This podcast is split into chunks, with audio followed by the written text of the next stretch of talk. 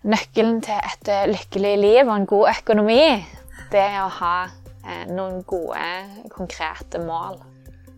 Hei og velkommen til Sølvbergets podkast. Jeg heter Åsmund Ådnøy. En av fordelene med å ha kolleger er at en stadig oppdager nye ting med dem. Og sånn var det for meg. I kantina for et par uker siden så møtte jeg eh, Tale, som med, med store øyne kom bort og sa Åsmund, vi må lage podkast om økonomi. Vi må snakke om statsbudsjettet. Og så sa jeg at eh, ja, bra med initiativ, men kanskje akkurat det er det andre som gjør bedre enn oss. Eh, men eh, vi kan godt snakke om økonomi, men med en slags sånn litteraturinnpakning. Så det, skal, det, er det vi skal gjøre i dag. Så jeg har med Tale, og så har jeg Thomas Gustavsson. Jeg er helt uskyldig tvinga med bare fordi at jeg kan snakke om bøker. så... Ja, du er ikke med pga. din økonomiske sans. Eh, Nei. Og Ingunn Øvrebø, som er bibliotekar på Sølvberget. Ja vel. Tale, du eh, har tatt initiativet til det her, så du må bare eh, rett og slett fortelle oss. Økonomi, hvorfor er du så glødende opptatt av det? Eh, altså, Jeg har to svar på det spørsmålet. Det ene er sånn at for eksempel så var, tenkte jeg jo at dette var et godt tidspunkt å snakke om økonomi, fordi at statsbudsjettet ble jo stadig diskutert nå. Og så har Coconomics akkurat vært. Så det var liksom et, et, passende tidspunkt å ta det opp på Sølvberg òg. Og det andre er jo at jeg, jeg er i all hemmelighet superentusiastisk økonomiinteressert. Eh, og det er jo helst personlig økonomi jeg er interessert i. da. Og så har jeg veldig lenge prøvd å manipulere Ingunn og Thomas til å lage en, en podkast om det. Eh, men så eh, har det, det liksom har liksom ikke gitt resultatene jeg ønska, så nå måtte jeg jo bli med sjøl for at det skulle gå. Men hvis det er du som er opptatt av økonomi, hvorfor vil du at Thomas og Ingunn skal snakke om det? Fordi at de to er, eh, hemmelige økonomiske talenter, tror jeg. Altså, jeg vil liksom ha økonomipodkast jeg kan høre på når jeg er hjemme og totler, vasker badet og sånn. Men jeg gir meg ikke helt. Hvorfor er du blitt så superopptatt av økonomi, eller har du alltid vært det? Nei, jeg har ikke alltid vært det. Men eh, da jeg fikk min første fulltidsjobb, så eh, ble jeg liksom klar over at shit, en eller annen gang i livet så må jeg sikkert prøve å kjøpe meg min egen bolig. Og så gjorde jo det at jeg tenkte oi, å, det krever jo dødsmye penger, jeg kommer aldri til å få råd til det. Og så begynte jeg, begynte jeg å undersøke litt, og på det tidspunktet så bodde jeg eh, veldig landlig. Og det var ikke så mye å gjøre der jeg bodde. Så da var det jo en, en god mulighet for å begynne å spare. Og så kom jeg over eh, eh bloggen eh, Pengesnakk, faktisk. Eh, av Lise Wermeli Christoffersen. Og det var liksom starten på min interesse for økonomi. da, fordi at hun er eh, norsk økonomiblogger som har satt seg som mål å bli økonomisk uavhengig innen hun er 40. Mm. Og hva betyr eh, økonomisk uavhengig? Det betyr at du ikke trenger å jobbe. At du kan leve på avkastningen av aksjefond. Og det høres jo helt sykt ut at en vanlig person skal kunne klare det. Ja, for hun nevnte noe sånn spesielt eh, Hva jobber hun med, til eksempel? Sånn? Ja, altså Hun er ikke en uh, søkkrik uh, oljearving. Hun er, hun er vel uh, utdannet i sånn emballasjedesign. Jobber for Tine. Og har tjent ganske sånn gjennomsnitt, gjennomsnittlig. Tipper vet ikke jeg, litt over 500 000, kanskje. Og så allikevel så har hun klart å spare to tredjedeler av lønna si og satt det i aksjefond. Men eh, har du òg et sånn ønske om å kunne pensjonere deg tidlig? Nei, jeg, det har jeg ikke. Det er ikke det som egentlig interesserer meg med denne bevegelsen. Altså, Lise er jo på en måte en del av det som kalles for FIRE-bevegelsen i USA. Eller som stammer fra USA. Um, og FIRE-bevegelsen de, um, de, har som mål å pensjonere seg tidlig. Men et veldig viktig aspekt av, av, det er jo ikke egentlig at de aldri skal gjøre noe igjen når de er 40. Mm, FIRE, for det står for et eller annet sant? Det står for um, Financial Independence Retire Early. Og jeg, Lise Christoffersen hun, har jo selv, hun snakker om dette relativt eh, Eller med jevne mellomrom, i hvert fall. Og hun, jo, altså hun, fokuserer på den første delen av, de, av det akronymet. Mm. Eh, så hun vil være økonomisk uavhengig, men hun har ikke tenkt å pensjonere seg nødvendigvis når hun er 40. Så, og den, den, boka går går ut fra at du anbefaler òg, i tillegg til bare bloggen? Ja, altså jeg anbefaler boken. Den har jo du òg lest, Ingunn. Ja, jeg likte den veldig godt. Og eh, hun har jo òg en podkast der hun går gjennom litt sånn emne for emne, som man finner igjen i boka òg. Og Tale, du har med deg en fin liten bunke. Du kan bare eh, gå videre til neste. Ja, altså, det, FIRE-bevegelsen, apropos det, så har jeg med meg uh, Your Money or Your Life av uh, Vicky Robin og Joe Dominguez. Og de er jo egentlig to av de personene som står bak FIRE-bevegelsen, som har vært en sånn kjempeinspirator. Denne boken er på en måte på den korte eh, leselisten til de som er med i den bevegelsen. Eh, og den handler om, ja, den, Undertittelen er da 'Nine steps to transforming your relationship with money and achieving financial independence'. Og hva, hva er det de vil? Hva er, de, hva er deres knepp? knep? Ja, ok. Jeg vet ikke om jeg skal gå liksom, detaljert gjennom knepene, men jeg syns det interessante er jo Ok, Det er alltid interessant for folk å vite hvordan de kan spare penger, men eh, jeg synes også det interessante med FIRE-bevegelsen er ikke nødvendigvis at du skal kunne pensjonere deg når du er 40, men Eh, men også på en måte hva er det som ligger bak det. Eh, fordi at dette, du, når, jeg, når, jeg, hører om folk som er veldig interessert i økonomi eller finansfolk, så tenker jeg jo på menn i dress som jobber, jobber i Skagenfondet, liksom. Men eh, dette er folk som eh, egentlig argumenterer for lavere forbruk. Ikke bare for å spare penger, men også kanskje for å verne miljøet. For min del, Vi snakket jo litt om det i dag. Vi var, hadde vakt sammen. Ja. Og da eh, snakket du om en bok som heter 'Ekornhjulet', tror jeg. Ja. Ja, og, da, og det som tiltaler meg med det, er at du får eh, Du skaper deg selv en frihet. Valgfrihet. Ja. Om du vil jobbe, så kan du jobbe, men du det er nødt til å ha en jobb du ikke trives med. Og om du jobber i Skagerfondet da, eller hva det nå er for noe, eh, du har ekstremt høy inkomst, men du har også veldig høye utgifter. Og du er sikkert oppe i det hjulet som du ikke kommer ut av. på en måte. Om du tjener, selv om du tjener mye mindre, så kan du gjøre deg selv fri gjennom å, gjennom å ha en nøktern livsstil. Da, liksom. Det syns jeg virker veldig tiltalende. Ja, vi kan jo gå videre til den boka som eh, Thomas begynte på å tale. Den heter Den heter Hva heter den, Thomas? Du må lese På svensk eh, 'Jeg lemner ekorrhjulet'. Den er bare svensk, ja. Mm, så På norsk heter det hamsterhjul, på svensk heter det ekornhjul. Ja. Er det hamsterhjul på norsk? Ja, det på norsk er det hamsterhjul. Jeg har aldri sett et jo ekorn. mening. Ja. Ja. Har dere Forferdelige ekorn er svensker som fanger ekorn og har dem i et hjul, liksom. okay. Men, men på den måten, så- för du, visst, jag börjar med att säga att jag inte är så intresserad av ekonomi, men, men på, det, på den måten som det ekorrhjulet-boken handlar om, så är jag ju helt enig. Jag har ju extremt lite huslån till exempel, och inte billån eller noe sån. Så, men jag är inte så intresserad av att samla pengar på hög liksom. Men jag är mer att jag har lava utgifter överlag.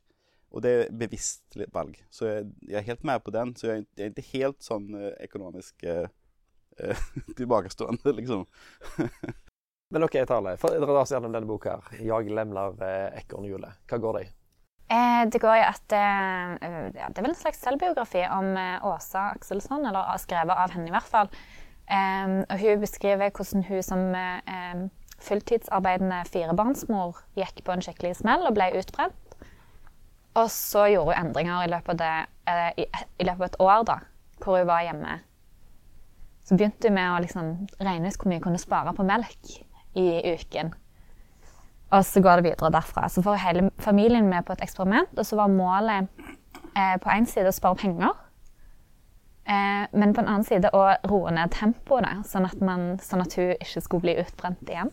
Og så i løpet av det året så gjør hun veldig mye eh, ulike ting for å spare penger, og, og i løpet av et år så sparer hun så mye at hun sparer mer enn sin årslønn, faktisk, på å kutte diverse ting i livet sitt. Men, men det jeg lurer på da er eh, For de fleste av oss så er jo økonomi gjerne noe som det er en slags sånn, eh, et heft. Det er noe du bare må forholde deg til, enten du vil eller ikke.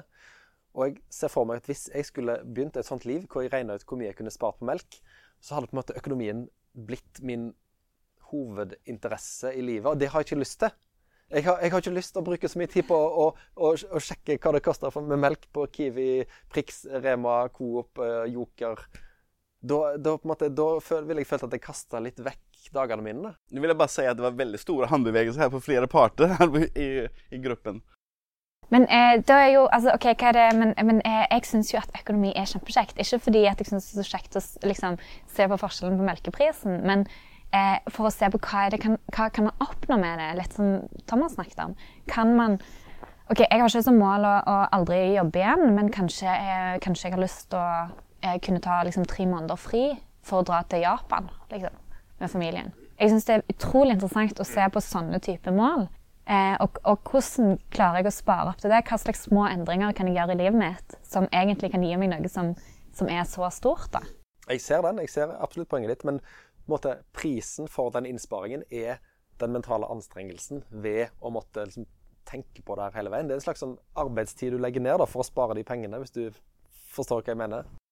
Ja, men det kommer jo an på hva slags grep du gjør. Altså Hvis du er vant til å kjøpe lunsj eh, ute på Prix hver dag, og så begynner du istedenfor å lage matpakke om morgenen, så er det jo ikke en veldig mye større arbeidsinnsats du gjør, men du kan antagelig spare ganske mye penger. Eller hvis du begynner å ukeshandle, da, som veldig mange økonomi, sånn personlige økonomibloggere eh, argumenterer for. Da går du, altså du sparer tid fordi du går bare i butikken én gang i uken. Og så sparer du penger fordi du ikke blir frista hver gang du går i butikken. Og så har du med deg enda en bok, eh, Hva er det for noe? Ja, og den eh, skal jeg ikke påstå at jeg har lest eh, hele av, men jeg har sett den veldig mange ganger. Og det er en bok som heter Nudge. Og undertittelen er 'Hvordan ta bedre valg om helse, penger og lykke'. Den handler vel egentlig bare om vaneendring. Så den, av denne Åsmund, kan du lære hvordan du gjør små vaneendringer som får deg til å ta bedre økonomiske valg. Slipper du å tenke så mye over- det. Jeg er veldig god på å ta sånne valg når jeg ikke har anledning til å gjøre dem. For eksempel, hvis jeg sitter i en lang flytur og tenker jeg, nei, nå må jeg begynne å ta armhevinger. Det bør jeg begynne med. Eller, eller, eller lignende. sant? At, uh, neste gang jeg er på hytta, så skal jeg huske å hogge mer ved. Det kan jeg tenke når jeg er på jobb. sant? Men, men liksom når jeg kommer til hytta, så gjør jeg andre ting. Hva er nøkkelen for å liksom, nudge, den mentale nudgingen skal faktisk bli noe av? Ja, det er et veldig godt spørsmål. Jeg tror, tror egentlig at vi må ha et, eh, et sånn håndfast mål. Jeg tror man, altså For min del så var det jo eh, Kan jo røpe at jeg faktisk har jo kjøpt min første leilighet i februar i år. Så jeg har jo takk, eh, takk til Lise Wermelid Christoffersen for å ha motivert meg til det. Eh, og det var et ganske sånn hårreisende mål, og, eh, men jeg har klart å spare Hvor mye var det? Jeg har spart, I løpet av to år så har jeg spart eh, 340 000 kroner. i hvert fall. Og det er jo ganske, det høres jo helt sykt ut på en vanlig lønn. En vanlig eh, under gjennomsnittet norsk lønn. Eh, OK, vi, vi går videre rundt bordet. Eh, Ingunn, du er med eh, som en eh, Utgangspunktet her var jo at Tale ville høre på at deg og Thomas snakket om eh, økonomi, fordi du er åpenbart et økonomitalent. Er det sånn du ser på deg sjøl òg? Nei. Eh, jeg tror Tale har tenkt det bare fordi at jeg er litt sånn, en litt gnien person, kanskje. Så jeg virker som at jeg sparer ve veldig mye penger. Men jeg Ja, nei, jeg har eh, jeg, jeg er jo opptatt av å ikke bruke for mye penger, da. Så kan være derfor hun tenkte at jeg var opptatt av økonomi. Er du sånn som holder ordning på eh, tilbud på mat og sånn forskjellige butikker? Ja, det Ja. er faktisk på lista mi over de beste sparetipsene. det. Vi sjekker tilbudsavisene på søndag, for da legger de ut for uka. Så da planlegger vi skal vi handle på eh, Coop Extra eller skal vi handle på Kiwi. Altså. Men hva, hva mener du med det? Fins det på nett? Ja, de, de legger det ut. Eh, så da kan man eh, vurdere hvor det er best. å- altså det er jo best å spare, eh, kjøpe basisvarene på en av de billigste, og så kan man kjøpe litt mer sånn eh, Si de har eh, 40% på ost en plass, så kan du kjøpe inn eh, noen kilo ost den uka, så sparer du masse penger. Og du, Ingrid, du har jo òg eh, med deg et par bøker som belyser økonomi gjennom barne- og ungdomslitteratur. Når jeg forberedte meg til en podkast, så fant jeg en formulering som var rett etter Tale sin smak. Jeg syns han er depressiv. Økonomi Økonomi styrer hele landet, hver kommune, hver arbeidsplass, hver familie. Hvor, hvor mye spor av dette finner en i barnelitteraturen, Ingen? Eh, det har iallfall dukket opp eh, litt eh, i det siste. Det er ei bok som heter 'Buffy by' av Ingeborg Arvola. Der har det akkurat kommet bok nummer to der. Men eh, der handler det om å vokse opp som eh, i Oslo, altså rike Oslo, og så eh, ikke ha så god økonomi sjøl, da. Altså hun, hun som det handler om, har en, bor, eh, bor sammen med bror og en mor aleneforsørger. Og så viser det seg jo etter hvert at hun er et naturtalent i slalåm, som jo er en veldig dyr sport å ha som hobby. Så de har jo ikke råd til alt utstyret. Der er det jo en tematikk i det. Altså et, annen, et eksempel er 'Mitt vidunderlige liv' av Jenny Jegerfeld. Eh, der er det tre søsken som, og en mor som flytter hjem til mormor for å bo gratis mens mora leter etter jobb. Og hun er da hjelpepleier, og hun er veldig frustrert fordi hun finner bare ugunstige eh, arbeidstider, f.eks. Hun vil jo helst jobbe på dagen, men hun ender opp med å måtte ta oppdrag på kveld og netter, og da må hun få hjelp av mormora. Men der er det bare Altså, det, den boka er det mange andre temaer, så det, jeg tror nok det er den voksne leseren som, som oppdager det mest. Men det er iallfall et interessant eh, aspekt av boka, mm. syns jeg. Og til denne podkasten så ba jeg jo deg, Thomas, eh, om å finne skjønnlitteratur hvor økonomi spiller en stor rolle. Og når vi møttes eh, i, formiddag, så, så, var du litt sånn eh, litt skeptisk, eller du fant ikke så mange eksempel på det? Det var vanskelig å finne eh, Jeg ville ikke lese Ayn Rand, liksom. Eller jeg ville ikke at det skulle være noe sånt. Jeg ville ha vanlig litteratur der på en eller annen måte penger var sterkt til stede. Men det er jo kjempevanskelig, syns jeg. Eh, for det, det, er jo ikke så mange bøker som handler om det, kanskje, egentlig. Nei, det, var, det var en kåring som Dagbladet hadde i 2006 om de 25 beste bøkene fra de 25 årene før det. Ja. Altså 80-, 90-, tidlig 2000-tall. Og det var ikke så mye økonomi der, altså. Nei. Det var masse annet, men økonomi? Nei. nei. Men jeg tenkte jo som så at uh, når en går tilbake til 1800-tallet, så, så, ligger det jo veldig ofte et økonomisk spørsmål i bånn av en historie. Ja. Vi snakket jo Hvilken dag var det? Fri, fri, eh, onsdag? ja, onsdag. i en, en podkast vi har spilt inn allerede, hadde vi eh, en lengre krangel om Jane Austen. ja. Åsmund, Åsmund hater det. Så då, men då til eksempel den Jane Austen, den Stolthet og fordom, ja. eh, så er det jo ikke en bok om penger. Men alle snakker om penger hele veien, og alle vet hvor mye alle tjener. Alle vet, altså det, du presenteres med navn og slekt og hvor mye du tjener per år. Liksom. Och den årsinntekten de har er en veldig sånn rar ting, For de, de har egentlig, alle har en sånn stor klump med kapital. Og så snakker de om hvor mye avkastning den kapitalen gir da, litt sånn som Tale sitt mål med livet er. Så Jane, Jane, Austen ville sagt at Tale og Thomas det er et bra parti. For ja. Tale sine 340 000 og Thomas sitt lave lån. Til sammen blir det bare et kjempelykkelig ekteskap. Ja. Mye avkastning der. Ja, For det handler bare om det. Ja, for, Og det tenkte jeg er litt interessant. Med at vi tenker at verden har gått framover de siste 200 årene, og det, vi har færre tabuer å, å drasse på. Men de er jo mye mer åpne om økonomi i, i Jane Austen sine uh, romaner enn i dag. Det er ingen som går rundt og som, ingen på Sølvberg som går og sier at den og den kollegaen har så og så mye lønn, og broren kjenner det og det. Men jeg tror kanskje i Norge er det sånn at det er ikke så lang avstand mellom eh, folk som jobber i kassen på Rema, og folk som jobber på biblioteket, folk som jobber som et eller annet håndverk. Så er det, det er, det er et spenn, men det spennet er ikke så stort. Det er ikke sånn at uh, um, I USA kanskje, eksempel, så er det sånn vanvittig spenn. At folk må ha to eller tre jobber. Mens her så er det alle klarer seg stort sett økonomisk, om de, om de uh, er liksom litt forsiktige. Så det, det, det, må se den der serien til Harald Eia, 'Sånn er Norge'. Han har mye om dette.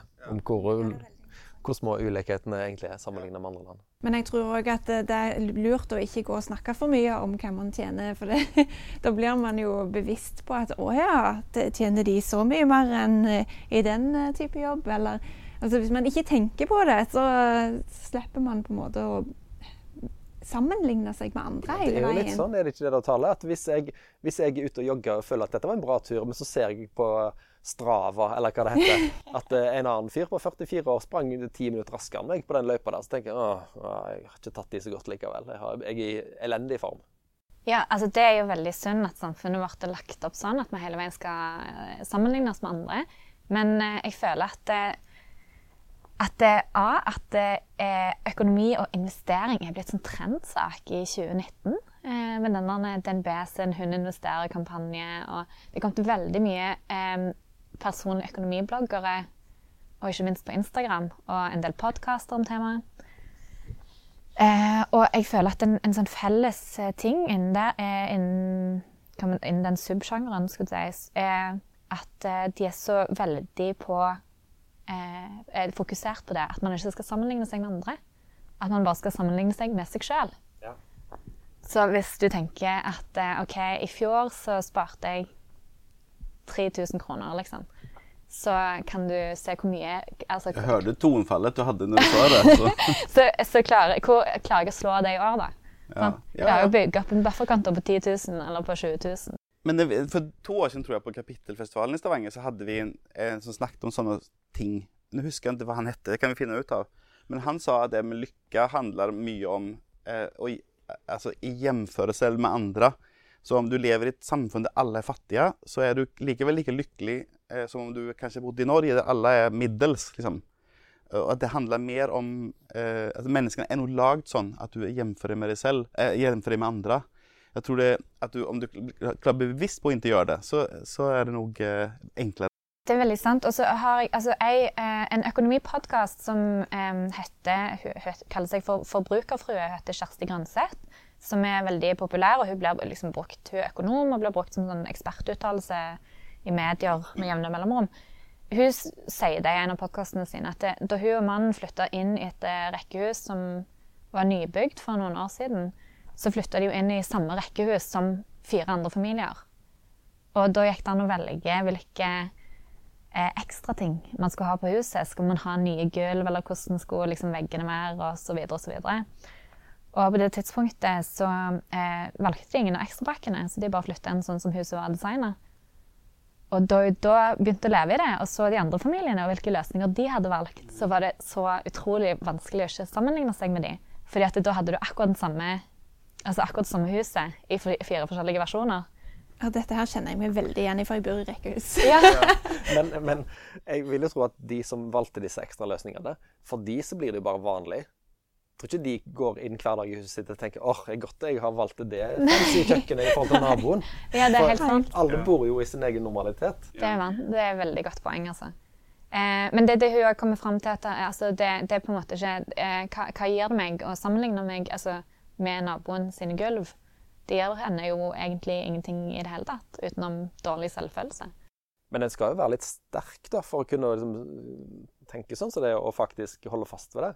For vi sammenlignes jo hele veien med andre. Hva andre får til, hvordan de ser ut, hvordan ungene deres er, hvor fin bil de har, eller eh, hvor interessante Facebook-poster de legger ut. Ja, det er virkelig en kunst hvis man klarer å ikke bli så påvirka av hva andre har og hva andre får til.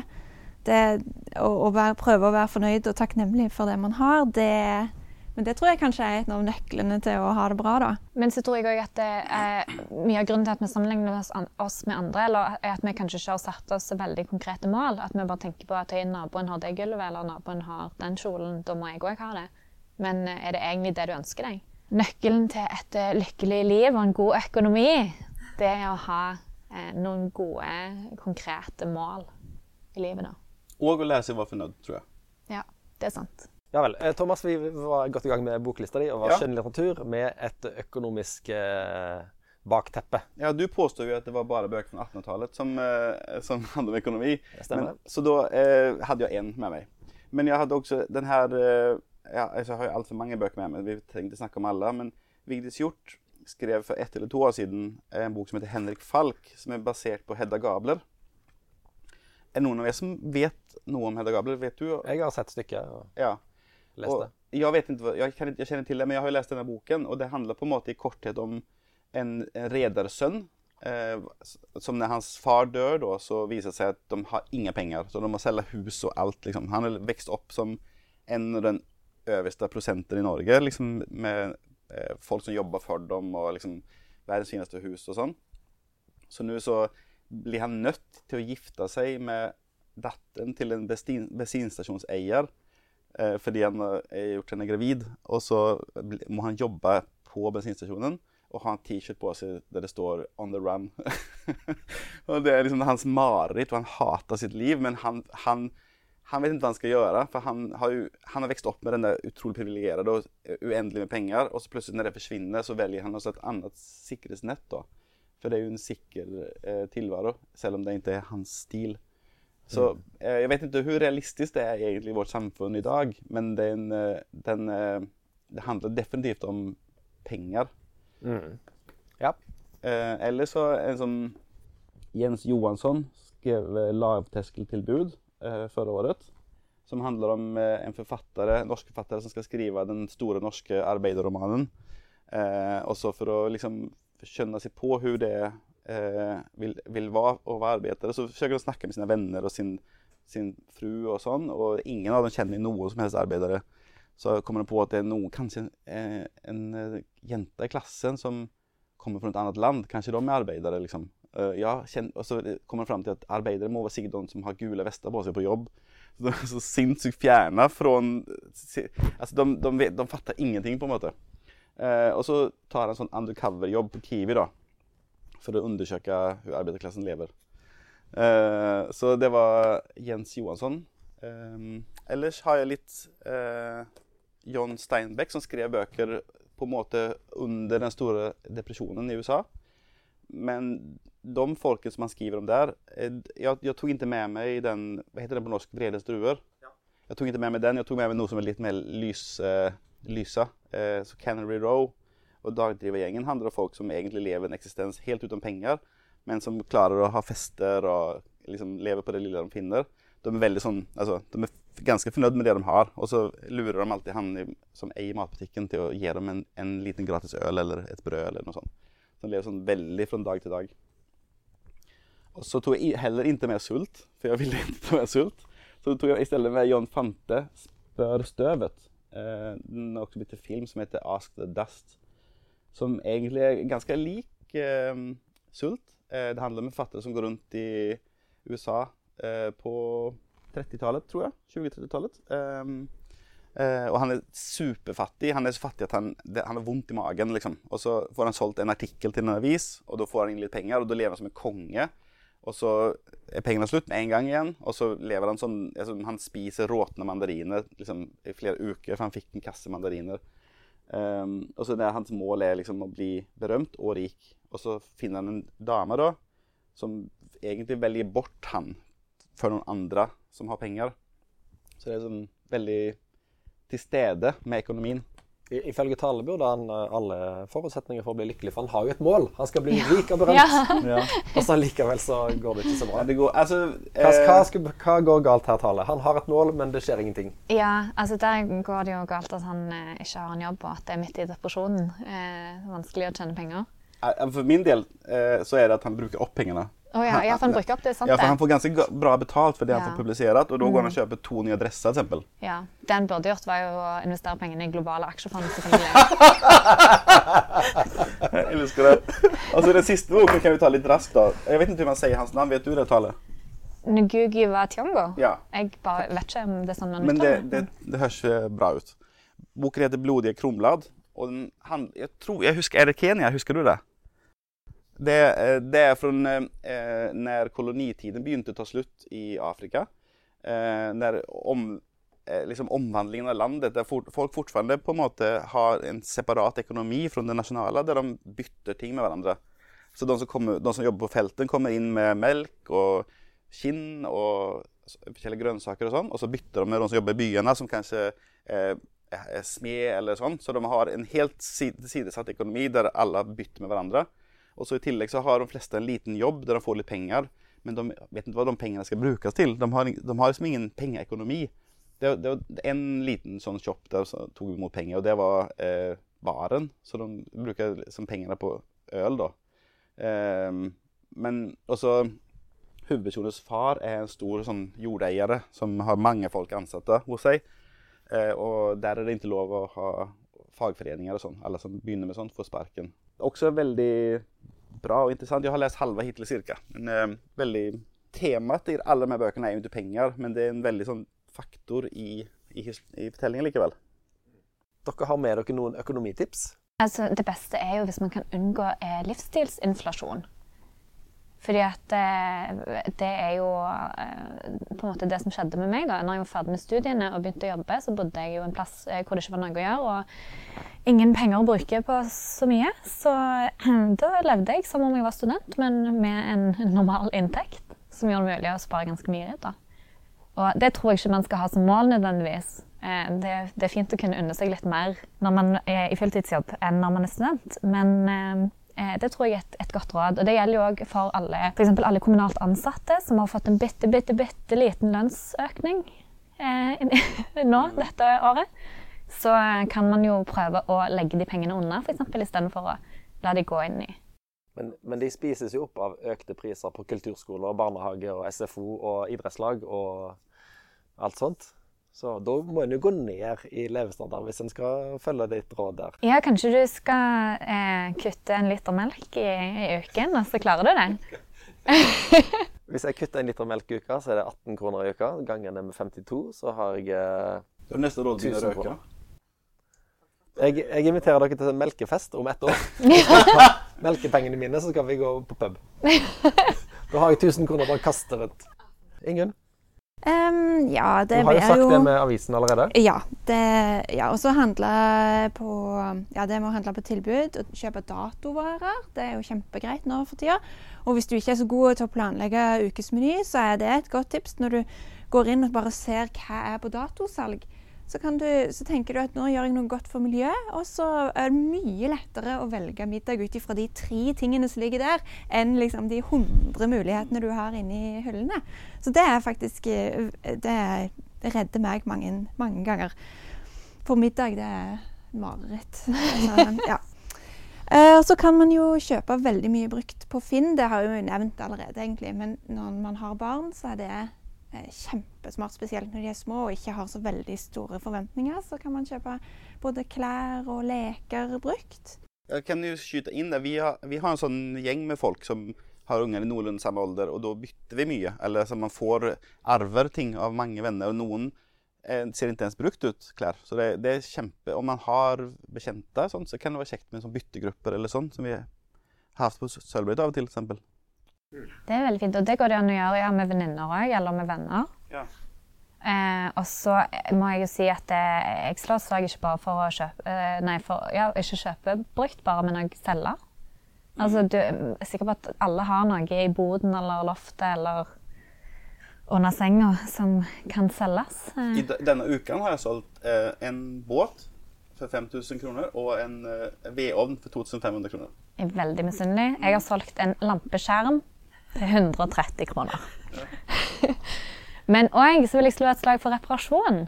Det er jo både miljøvennlig og eh, ofte billig. Eh, Du kan forlenge tiden, levetiden på, på tingene dine. Har jo på meg en genser i dag som jeg har reparert. Ja, det er jo nydelig reparasjon. du vet at dette ikke er filmtale? Jeg ville at du skulle se- vise til dem. Uh, Eh, ja. Hun har eh, da brodert inn fine blomster der det sikkert har vært noen små hull i en sånn ullgenser. Det ble jo kjempefint. Det var et veldig personlig preg Tusen takk. Takk skal du ha, Ingunn. Det var Ja. oppklarende. Ja. ja. for de som hører på. Hadde du flere tips? Eh, nei, altså det jeg, det jeg har funnet ut, er at jeg er jo best på sånn spare på sånne små ting. Eh, og jeg skulle ønske egentlig at jeg var flinkere til å forstå hvordan jeg kan spare med å sette inn i fond, f.eks., eller sånn aksjer og sånt. Så, så eh, hvis dere skal ha en til podkast som går mer teknisk til verks, så skal jeg glede meg til å høre på det. For det tror jeg er mulig å Eller å lære mer om, da. Ikke sånn onkel Skrue-form for sparing. Ja, men det, Nå kommer jeg på enda et eh, sparetips, og det er jo selvfølgelig globale aksjefond. Det er det alle disse økonomi, personlige økonomifolkene og FIRE-folkene sparer i. Og så eh, har de regnet ut at hvis du regner ut hvor mye du bruker på ett år, ganger det med 25, så har du summen du trenger å spare for å kunne ta ut 4, 3 eller 4% årlig uten at summen synker. Jeg tror det, dette er et bra tidspunkt å si at denne podkasten ikke er sponsa av noen aksjefond. Thomas, hva har du av sparetips? Nei, jeg, vet ikke. Altså, jeg, for jeg har jo på en måte redan gjort det som Tale snakker om. For jeg pleide å jobbe som selger, Men så var jeg, jeg redd at min sjel skulle dø, så jeg utdannet meg til bibliotekar. Og så har det mye bedre, men mye mindre penger. Eh, og eh, min fru jobber ikke heltid. Eh, hun, hun har en, en jobb der hun egentlig tjener bra, men hun jobber 60 fordi vi har små barn. Og hun har ikke lyst til å jobbe fullt. Og eh, for to år siden var det jeg som var hjemme eh, med barna. Så vi, vi har liksom valgt å prioritere ned f.eks. kjempedyre klær eller eh, veldig dyre ferier. Så sånne store ting. Eh, så er ikke noen av oss så veldig flinke på å planlegge med, med matbudsjett, sånn som Ingunn. Men jeg utnytter veldig det der eh, sånn datosalg, f.eks. Og jeg blir ikke frista av andre ting i butikken, så når jeg går inn, så kjøper jeg bare det som skal til for den middagen, for det er jeg som lager det, stort sett. Eh, så, eh, også litt at vi ikke spiser ute. Eh, vi, spiser, vi lager mat hjemme, og oftest så blir det til og med godere eh, om du lager det hjemme. Så det er sånne små ting, da. Men, men jeg, eh, på den måten så er jeg jo eh, i, i den prosessen med å gjøre ting enklere. Vi, vi hadde et stort hus, vi solgte, og kjøpte et litet hus. Men jeg føler vi fikk oppskriften på hvordan vi kan bli både rike og lykkelige nå. Men kan kan jeg òg nevne at uh, det, vi bør alle bli som Thomas. Ja. Ja. Jeg rekommenderer ikke det til noen. Men eh, det må jo kunne gå an å bruke penger òg, og ikke bare spare. Jeg syns det er lett å bli litt sånn opphengt i, hvis man først har begynt å spare, at det er sånn Å nei, kan ikke bruke penger på noen ting plutselig. For da får man bare dårlig samvittighet. Men det går an å tenke litt at det man bruker penger på, at det er, noe du vil støtte, f.eks. Så det tenker jeg når jeg går på kafé, at det er sånn Det er fint at jeg kan støtte disse folkene som driver denne veldig hyggelige kafeen. For da har jeg litt annet fokus enn at sånn, å nei, denne kaffelatten kunne jeg lagd hjemme, og da hadde den ikke kosta en brøkdel av det den koster. på For det blir så negativt å hele tida tenke sånn hver gang jeg bruker penger. Men, eh, men tenker det er litt Hva vil man støtte? Så hvis det f.eks. er litt dyrere klær, men kanskje det er et, eh, et marked som man vet eh, han, eh, er etisk, eller, eller, at man støtter lokalt. Mm. ja. Tenker litt sånn. Ja, det, det lurte jeg på med deg, Tale, om. Når du har den gode sparedisiplinen som du har, er det da sånn at når du først skal liksom bruke litt penger på et eller annet, hvis, det er, hvis du gjør det noen gang, er det da sånn at du er helt sånn der eh, Går mange runder med deg sjøl før du gjør det, og sånn at til slutt gleden nesten er litt vekke? For gleden med å bruke penger er litt sånn ha-ha, nå skal jeg kjøpe meg den tingen. Mens hvis en liksom tviler seg ut i alle avgjørelser, så blir det jo gjerne en sånn bismak med dem. Ja, Sånn som Ingunn sa. Ja, altså, jeg er så fascinert, for jeg føler jeg lærer så mye om deg i dette. Altså. Men eh, nei, sånn er det ikke for meg. Jeg eh, har et veldig bevisst forhold til pengene mine, så jeg vet på en måte hva jeg kan unne meg, da, og hva, hva jeg har lyst til å bruke penger på. Så jeg går på restaurant med ujevne mellomrom, men da er det jo liksom penger jeg har satt av til det. Jeg har liksom en viss sum hver måned som jeg setter av til eh, hun, hun fra ja, jeg vet ikke, kalk kalkulert sløsing. Men du er jo veldig flink på det, og då, det, det har vi jo snakket om før også. Du er jo flink på å kanskje bruke mye penger på en ting som du blir glad av. Men, så det med det som har vært mitt problem før, at du bruker penger du har nesten peiling på hvor du tar veien hen.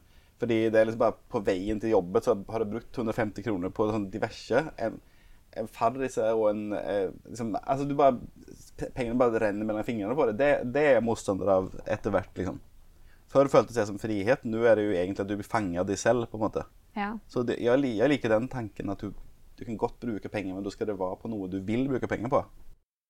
Og så skal du være veldig sikker på at den tingen faktisk gir deg så mye lykke som du har spinka deg fram til. Men man blir jo ikke lykkelig av penger i seg selv. Det, det, det blir man jo ikke. Man, blir, man, kan, man kan bli lykkelig av det man kan få for pengene. Men å bare ha penger, så, så altså det, det, da kan du enten kjøpe deg frihet, eller kjøpe deg eh, tid, eller sant? Men av selve pengene er det jo ikke mulig å bli lykkelig, syns jeg. Du er veldig vis, Thomas. Mm. Skal vi la det bli siste ord? Og så At ja, du er veldig vis, Thomas. Ja, det syns jeg var på sin plass. Og så Tale, må du ta kontakt hvis du, hvis du kommer til nye levels i dette sparegamet ditt. At du eh, har nådd en milepæl, eller at det har kommet nye bra økonomibøker og sånt. For dette, pengene styrer jo alt. Hvis en bare ser godt nok etter, så er det økonomiske motiv bak det meste. Gleder meg til neste gang. Bra. Ha det. Ha det. Ha det.